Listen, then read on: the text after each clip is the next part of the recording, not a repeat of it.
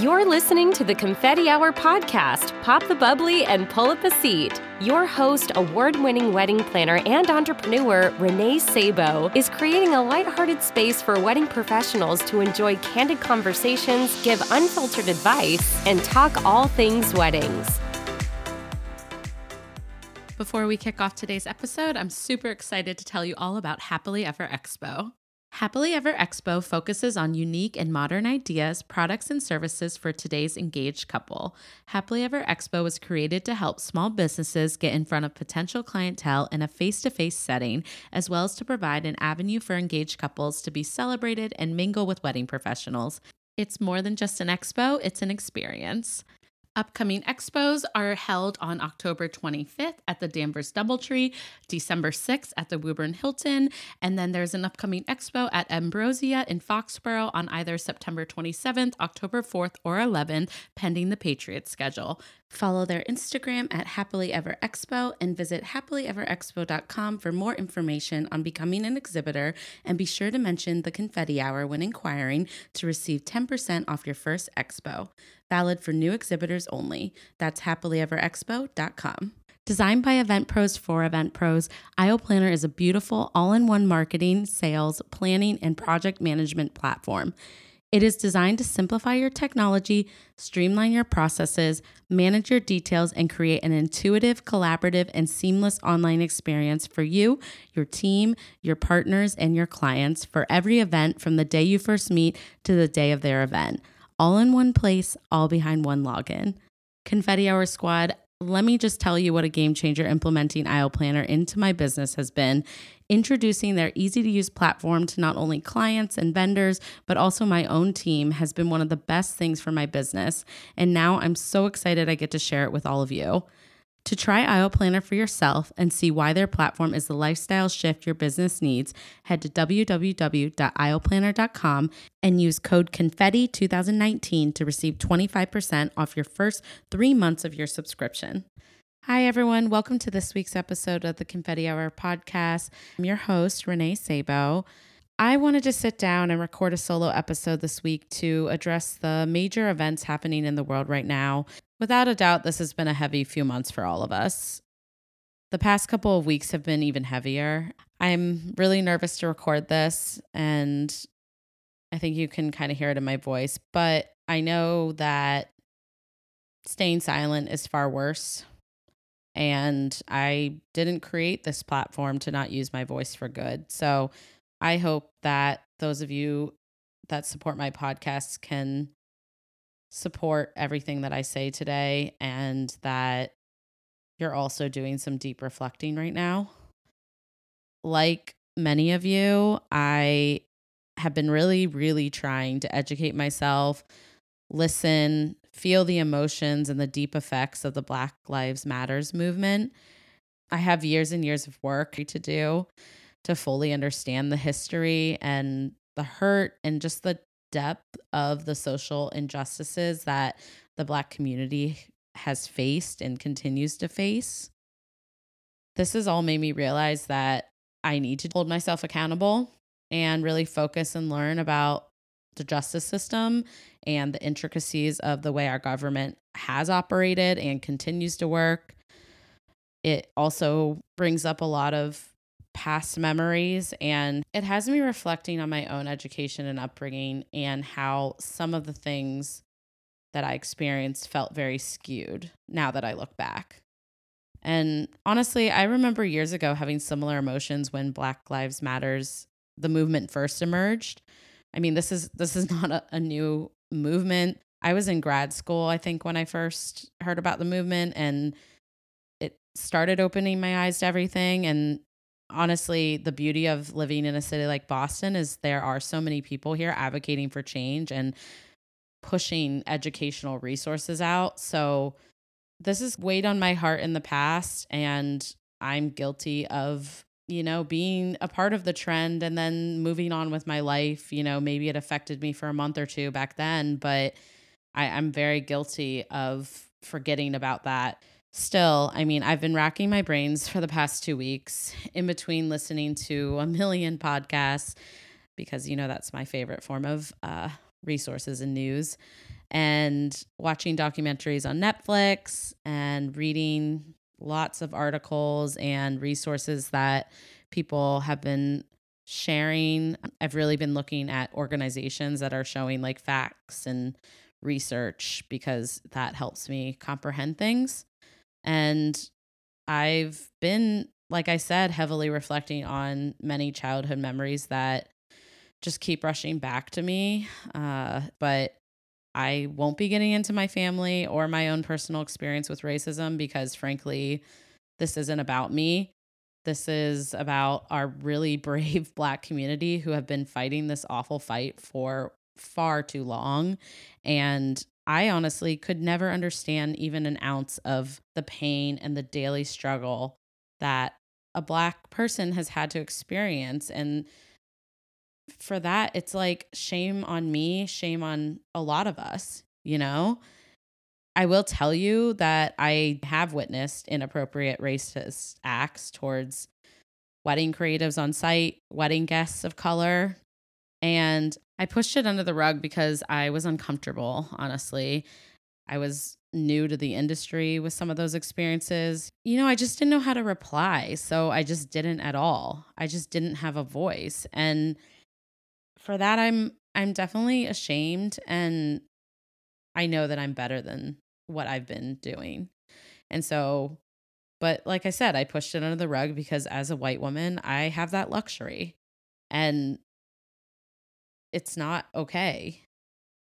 Um I just feel embarrassed that this is even a beginning. This should never have been a beginning.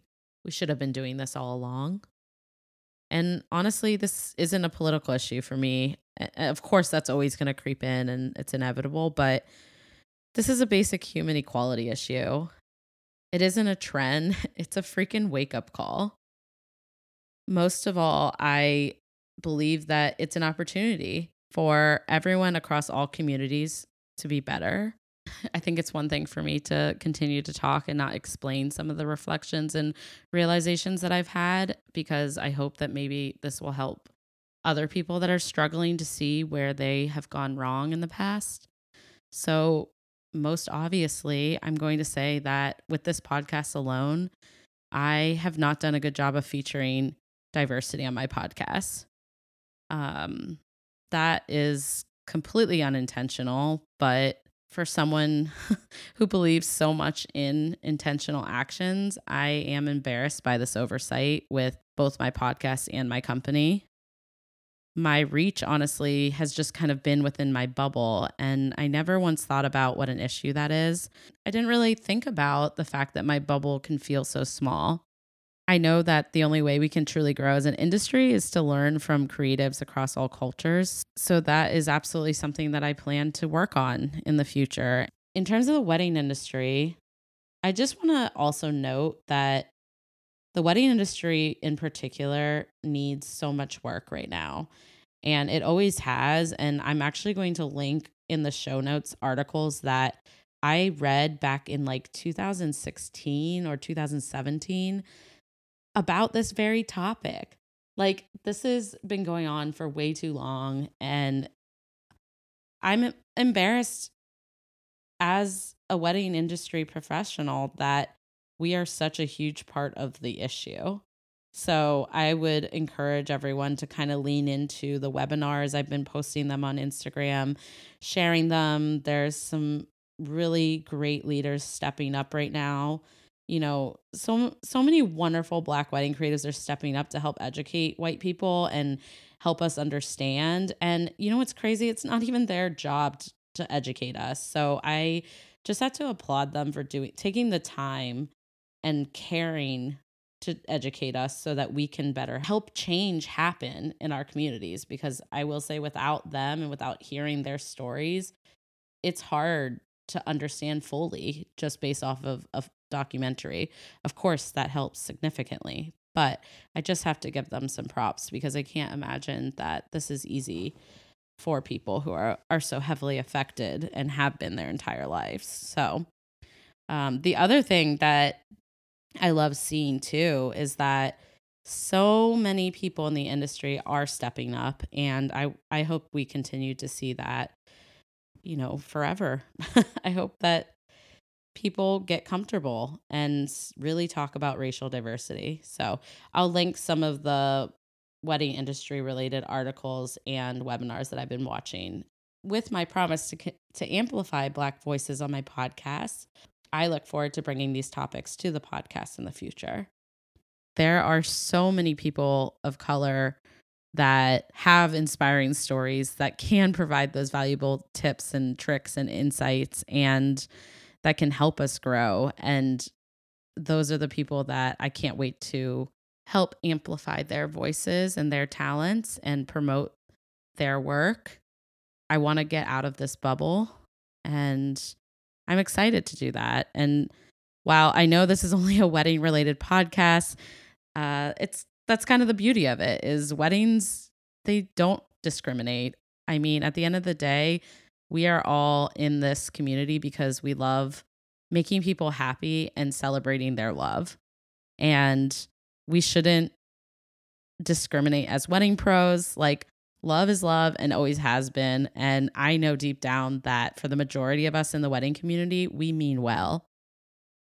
So, I personally am going to take action on this podcast. I will be working to do better about amplifying Black wedding vendors. I will also be doing that with Urban Soiree, and I will do better about supporting talented Black wedding creatives. Most of all, I know that this is going to be a long term project. And I want to continue sharing resources and continue having a hard conversation. I know that some may find this as a trend, but I urge you to take some time to work internally on anti racism if you haven't already. And also just know that even if you have started that work, that it's a lifelong journey. It is a long-standing issue that we all need to do our part to work on. The media can be very loud and sometimes it can be toxic, but for me, I found a lot of growth in finding resources with hard facts and voices of those who have been affected and who are hurting.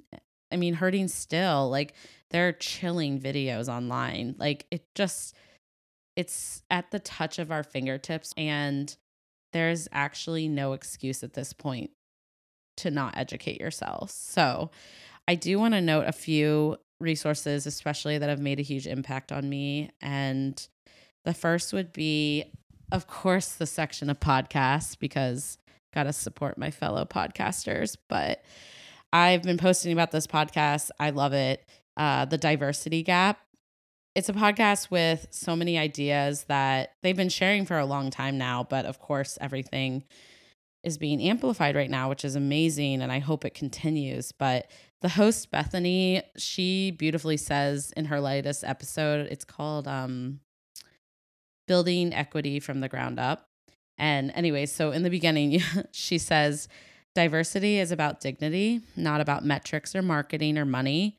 It's about real stories and real lives. Good intentions are not enough. Allow this moment to push us to be better leaders, allies, and friends to our Black community. I mean, she just has such a great way of making us feel like this conversation is inclusive for everyone. And I really recommend uh, tuning into that podcast. It's very approachable, it's really relatable. And when it's not relatable, it's just really good to hear. Two other podcasts that I've taken some time to listen to that honestly were a little intense to listen to, but also really helpful in terms of understanding the power and history behind racism towards the black community. So 1619 is like an audio series from the Times and it's about the beginning of American slavery and that was really helpful in understanding the history of American slavery for me and it's something that I feel my education growing up only grazed over. And so I really valued hearing this podcast. And then another one that I tuned into was Code Switch, which is um, a podcast from NPR that dives pretty deep into kind of like the overlapping themes of race, ethnicity, culture, and they talk a lot about how this plays a role in our lives and the communities. I've watched the documentary 13th on Netflix and also an intense watch but important and and I've watched Dear White People on Netflix, the TV series Dear White People. I think there's a film prior to that as well. So I've been watching the TV series and it shows students of color kind of navigating their day to day life at a predominantly white Ivy League college. And it brings up so many forms of racism and other types of discrimination. And it's also eye opening to watch. And there have been some really great organizations that I have been following every single day and really learning about the work that they do. Um, the NAACP, the Legal Defense Educational Fund, that's a huge one in the United States for civil rights organization, and they put out so much helpful resources. But the cause is huge for achieving racial justice in our society and kind of the promise of equality for all Americans. So I I've been donating and supporting that fund and I've I find it really incredible um all of their their work. So another one is the Bail Project and Campaign Zero and um the Loveland Foundation. I'm going to list in the show notes what each of these nonprofit organizations or campaigns stand for so that you all can take a harder look into them if you haven't already. But those are just some of the major organizations and resources and films that have made a big impact on me in the past couple weeks. So, as some final words for this episode, I want to end with this. I think the biggest thing that I keep thinking about is that my entire life, I've been conditioned to think that racism is a topic that is inappropriate or taboo to talk about.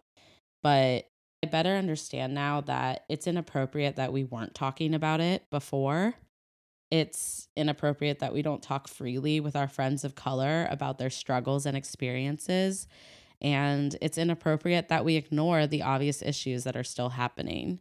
So, I mean, with all that said, I certainly don't have all the answers. And I know everyone's saying this, but I feel like I will continue to make mistakes. But I can tell you, I'm excited to implement change. And I promise to keep all that I've learned close to my heart, continue to do the internal work, and to use my voice for the better. And and I hope that you'll join me in that work on being the change that not only the wedding and event industry needs, but that the world really needs right now. That's it for this week. I hope to continue the conversation with many of you offline. Thank you all so much for tuning in, and I'm wishing all of you well right now.